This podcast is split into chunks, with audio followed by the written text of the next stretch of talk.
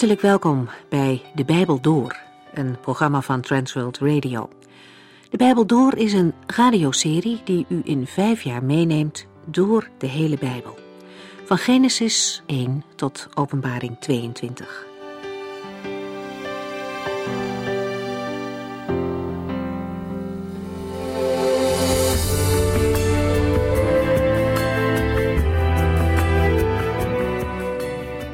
Welkom weer.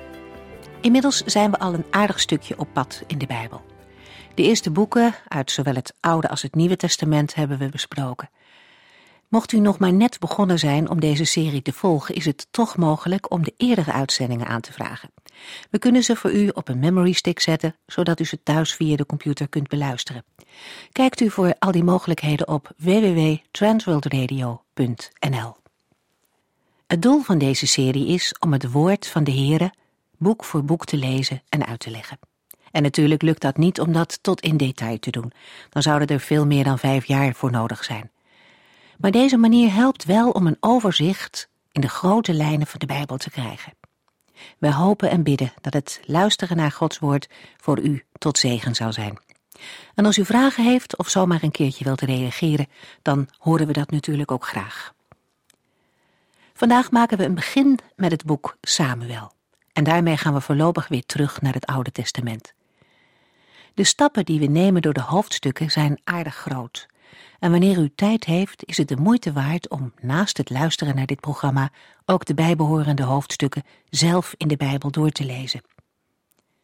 Het is steeds weer indrukwekkend om te zien dat God in alle tijden zo begaan is met gewone mensen. Het geloof van mensen die lang voor ons leefden, kan ons ook weer inspireren om de Here te vertrouwen op de moeilijke en goede momenten ook in ons leven. Vandaag hoort u een inleiding op het boek Samuel, het eerste hoofdstuk.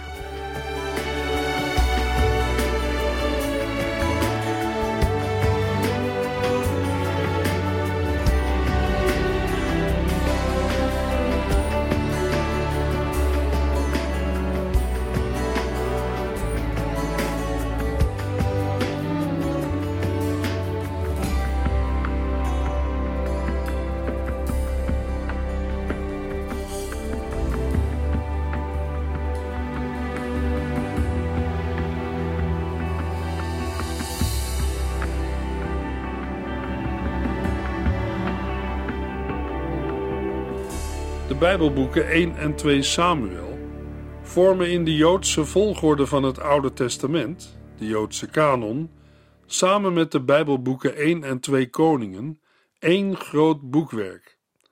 En horen ook als zodanig te worden gelezen. In de Vulgata, de Latijnse vertaling van het Oude Testament, ontvingen zij van de vertaler Hieronymus de naam Boeken van de Koningen. De Septuaginta, de Griekse vertaling van het Oude Testament, splitste dit ene grote boekwerk in vier delen onder de naam Boeken van de Koningsheerschappijen. De eerste twee delen van dit ene grote boekwerk draagt in onze Bijbelvertaling de naam van de profeet Samuel. Het is opmerkelijk dat nergens de naam van de schrijver wordt genoemd. Toch moet er een goede reden zijn geweest om de beide delen naar de profeet Samuel te noemen. Het is aannemelijk dat Samuel tenminste het eerste deel heeft geschreven. Het tweede deel kan niet van hem zijn, omdat de dood van Samuel wordt omschreven in 1 Samuel 25. We weten uit 1 Kronieken 29 vers 29 dat behalve de profeet Samuel ook de profeten Nathan en Gad boeken hebben geschreven over deze periode. Ook in die tijd waren er schrijvers en secretarissen. In dit licht is het meer dan waarschijnlijk dat bijvoorbeeld Nathan, Gad, Jeremia of Esra is doorgegaan met wat Samuel was begonnen op te schrijven. De afsluiting van de boeken kan in geen geval gesteld worden voor de scheuring van het Rijk in 931 voor Christus, omdat er al sprake is van de koningen van Juda, 1 Samuel 27. Ook staat vast dat de vier boeken van de koningsheerschappijen niet zijn afgesloten voor de verwoesting van Jeruzalem, want daarmee eindigt het Bijbelboek Twee Koningen. De echtheid en de betrouwbaarheid van 1 en 2 Samuel krijgt steun door een aantal citaten uit het Nieuwe Testament.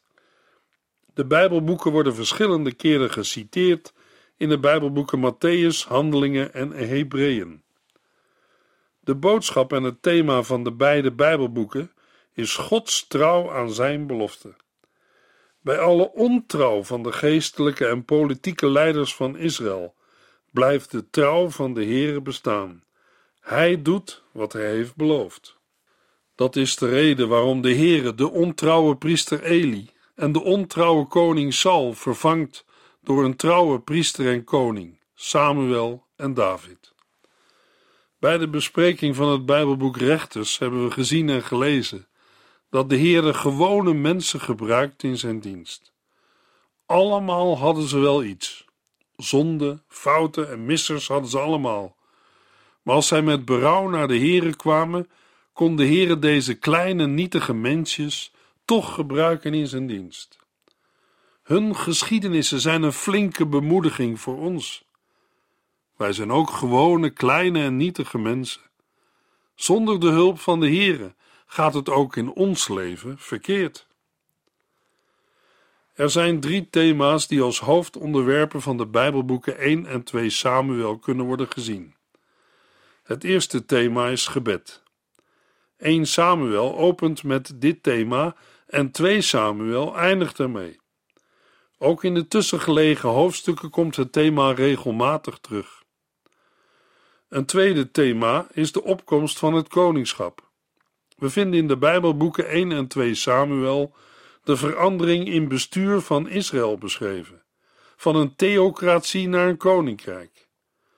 Van grote betekenis is het verbond van de Heere met David, 2 Samuel 7. Het derde thema is de opkomst van de dienst van de profeten. Toen Israël een theocratie was, trad de Heere God op door bemiddeling van priesters. Maar toen de priesters faalden en er een koning was gezalfd, riep de Heere profeten als zijn boodschappers. De opkomst van het koningschap in Israël is van bijzondere betekenis. In de Bijbelboeken 1 en 2 Samuel lezen we over het ontstaan en hoe het verder ging met de eerste koningen.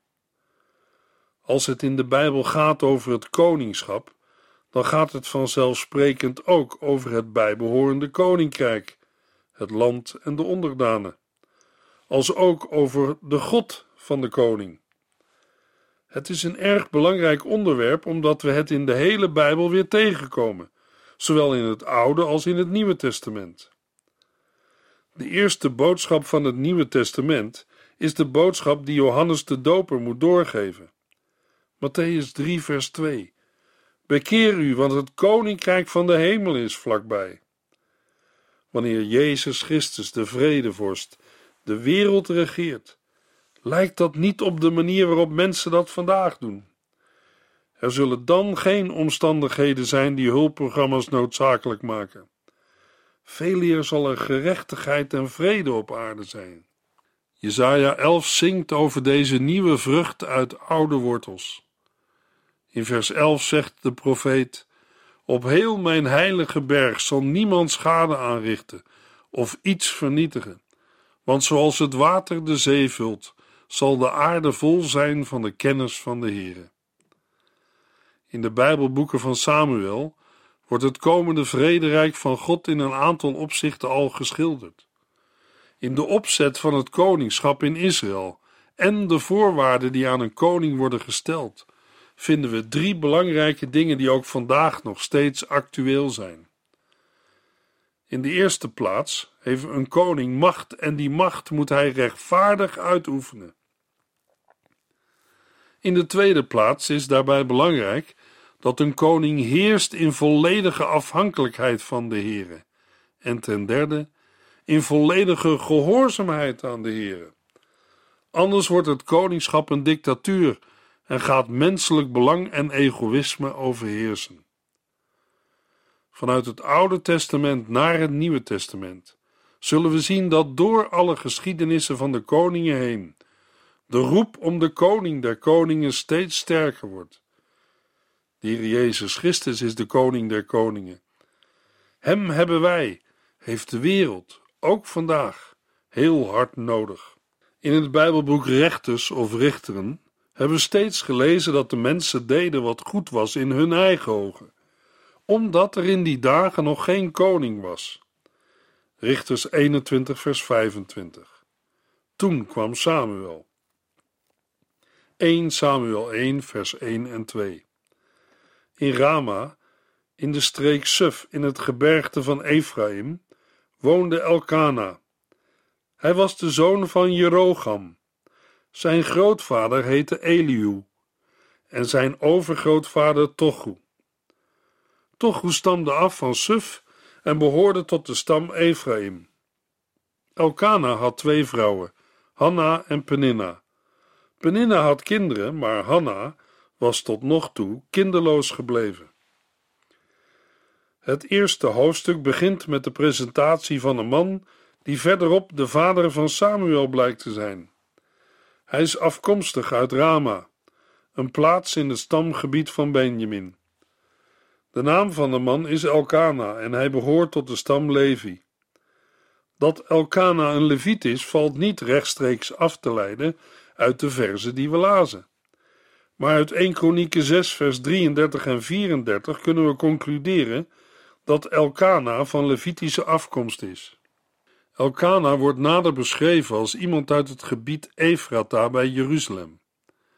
In de beschrijving van Elkana zijn vier voorvaders genoemd: Jerogam, Elihu, Tochu en Suf. Van deze mannen is ons verder niets bekend. Elkana heeft twee vrouwen, namelijk Hanna en Peninna. Peninna heeft zonen en dochters, maar Hanna, zijn eerste vrouw, kan geen kinderen krijgen. Het is mogelijk dat Elkana al geruime tijd met Hanna getrouwd was en dat hij vanwege haar kinderloosheid later ook met Peninna is getrouwd. Wanneer Peninna kinderen krijgt, ontstaat er van de kant van Peninna vijandschap tussen beide vrouwen. Voor Hanna is dit een ernstige zaak.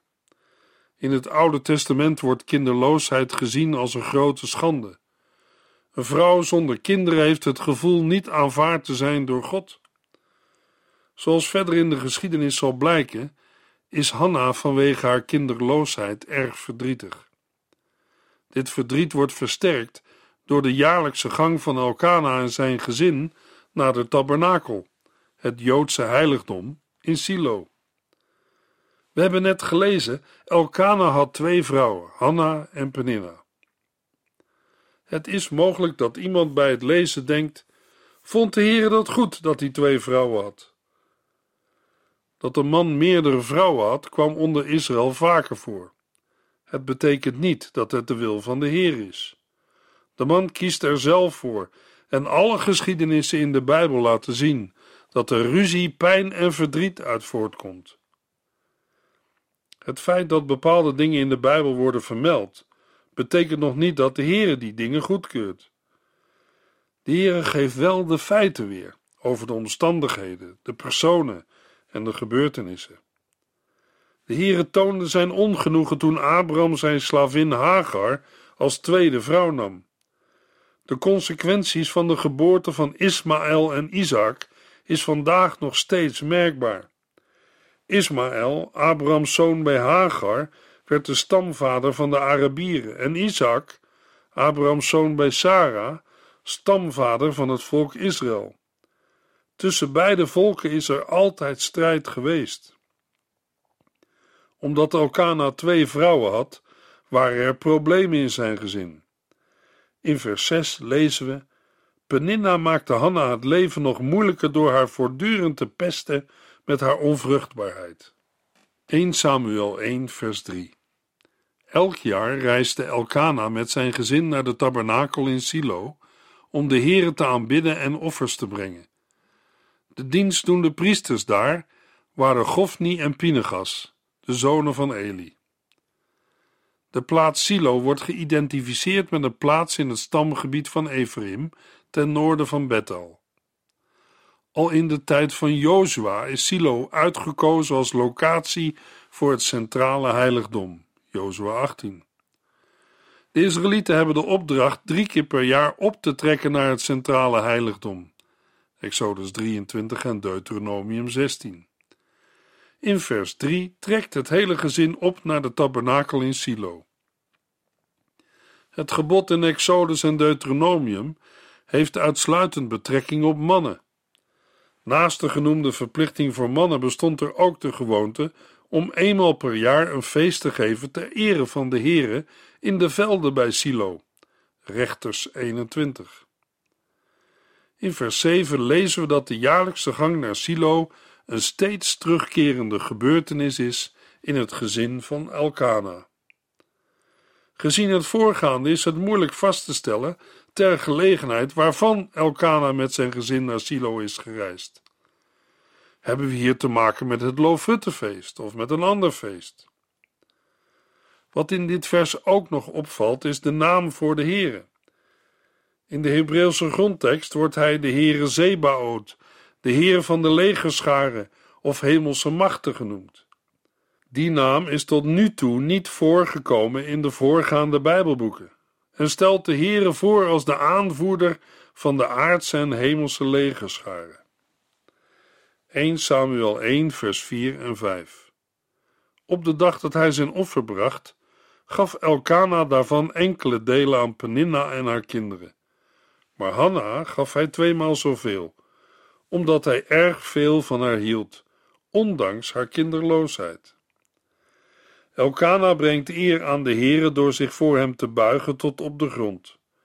Hoewel we de oproep om de Heer in het heiligdom te aanbidden door neer te buigen niet tegenkomen in de offerwetgeving, vinden we dit gebruik wel op andere plaatsen in het Oude Testament. Door deze daad onderwerpt Elkana zich aan de Heere en erkent hem als zijn God. Daarnaast brengt hij slachtoffers voor de Heere. In het vorige vers lazen we dat de dienstdoende priesters de hoge priester Eli en zijn zonen Gofni en Pinegas zijn. De personen die in de eerste verse zijn genoemd, zullen in de komende hoofdstukken een rol spelen. Op de dag van het offer gaf Elkana enkele delen aan Peninna en haar kinderen, maar Hanna gaf hij tweemaal zoveel. Tijdens het feest schenkt Elkana een deel van het offervlees aan Peninna en haar kinderen. De positie van Peninna is die van een bevoorrechte vrouw. Zij heeft zonen en dochters, terwijl Hanna onvruchtbaar is. Elkana geeft Hanna een speciaal deel omdat hij haar lief heeft. Ieder jaar opnieuw wordt Hanna geconfronteerd met haar benadeelde positie. Peninna heeft een uitermate negatieve houding tegenover Hanna. 1 Samuel 1 vers 6 Peninna maakte Hanna het leven nog moeilijker door haar voortdurend te pesten met haar onvruchtbaarheid.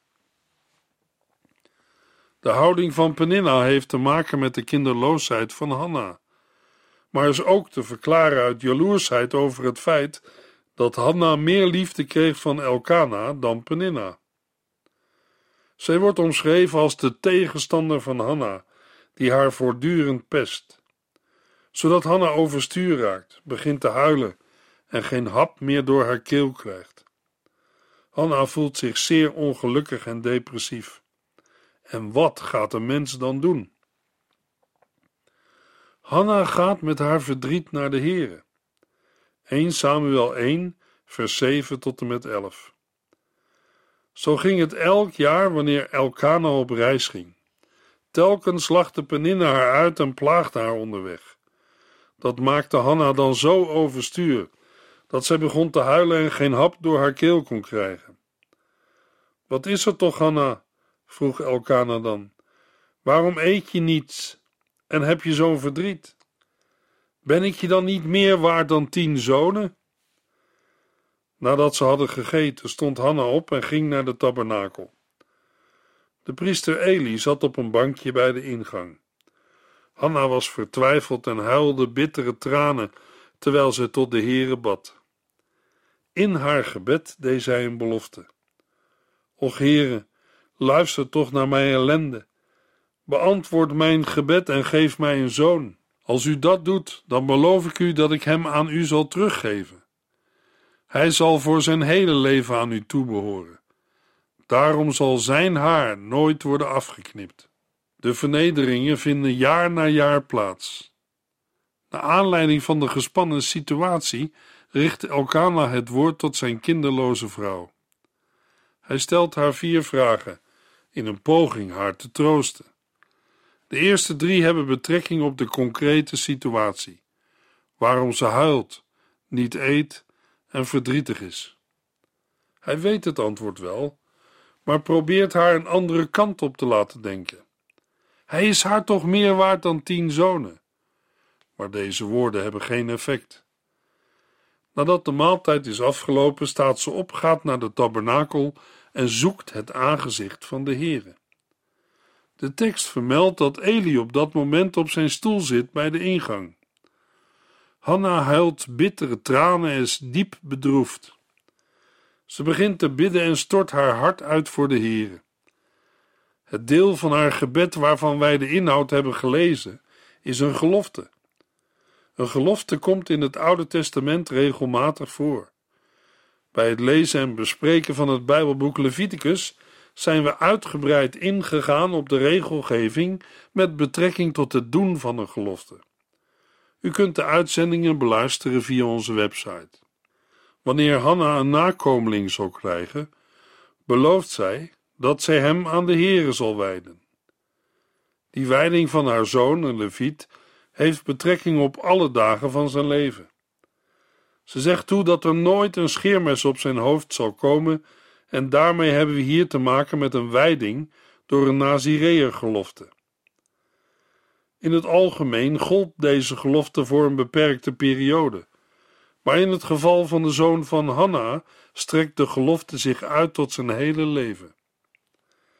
1 Samuel 1 vers 12 en 13 Eli zag haar mond bewegen tijdens haar stil gebed, maar omdat hij geen geluid hoorde, dacht hij dat zij dronken was.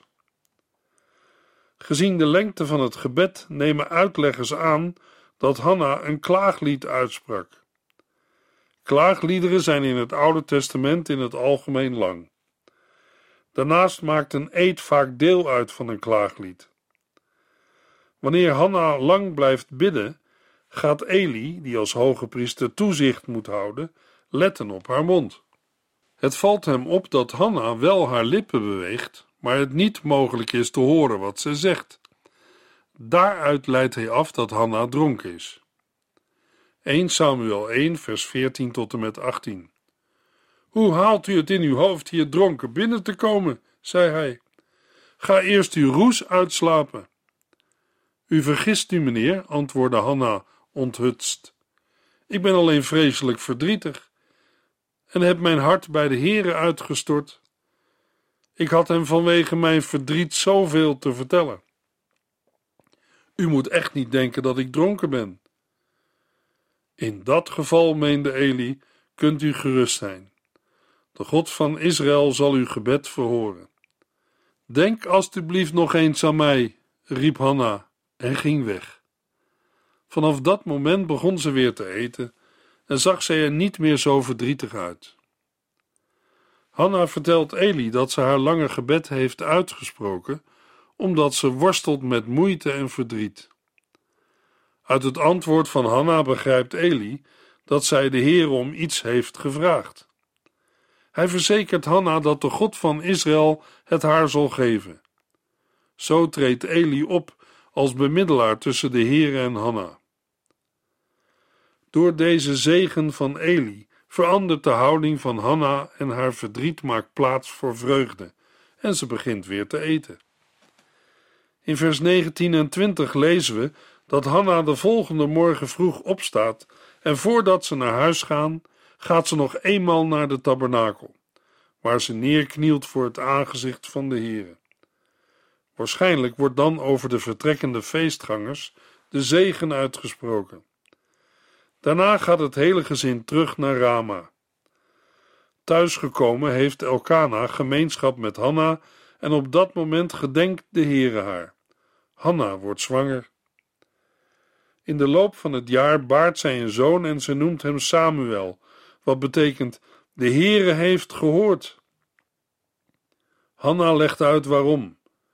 Want ik heb de Heere om dit kind gevraagd.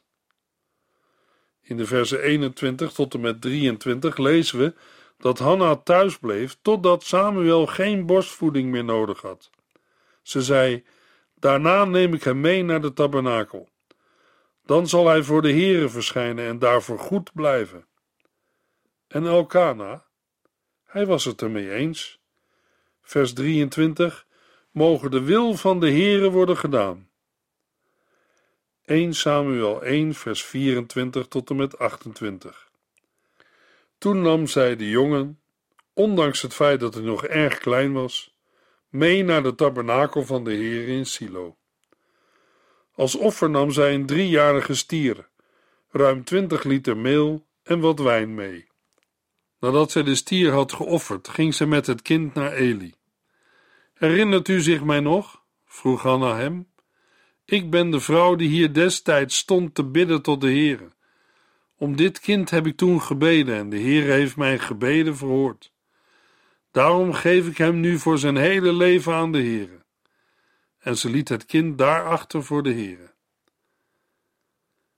De Heere heeft gegeven waar Hanna om gebeden had.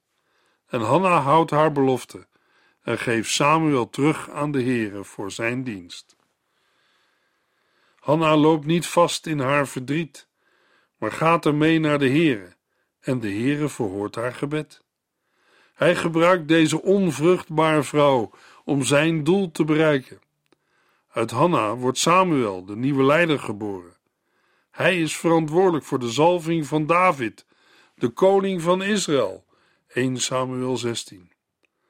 God bewerkt grote dingen door wat zwak en onaanzienlijk is. Daarmee komt de vergelijking op met Jezus Christus. Via kribbe en kruis bracht hij het grote werk van verlossing tot stand.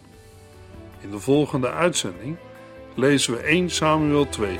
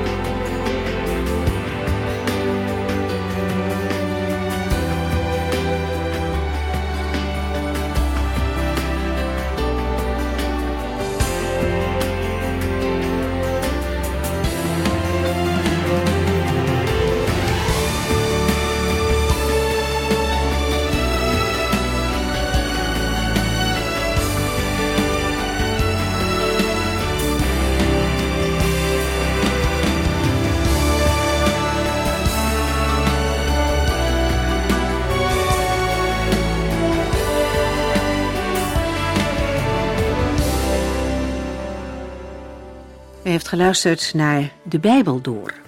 In het Nederlands vertaald en bewerkt door Transworld Radio. Een programma waarin we in vijf jaar tijd de hele Bijbel doorgaan.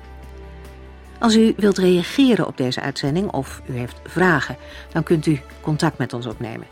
Tijdens kantooruren kunt u bellen op 0342 47 8432. 0342 47 8432. 32. Ook kunt u een e-mail sturen naar de Bijbel door transworldradio.nl en natuurlijk kunt u ook via de post ons bereiken. TWR, postbus 371, postcode 3770, AJ in Barneveld. Dit programma werd gepresenteerd door Cor Weda en Ike André. Techniek was in handen van Odin van Woerdekom. En wij allemaal bedanken u voor het luisteren. Graag tot de volgende keer.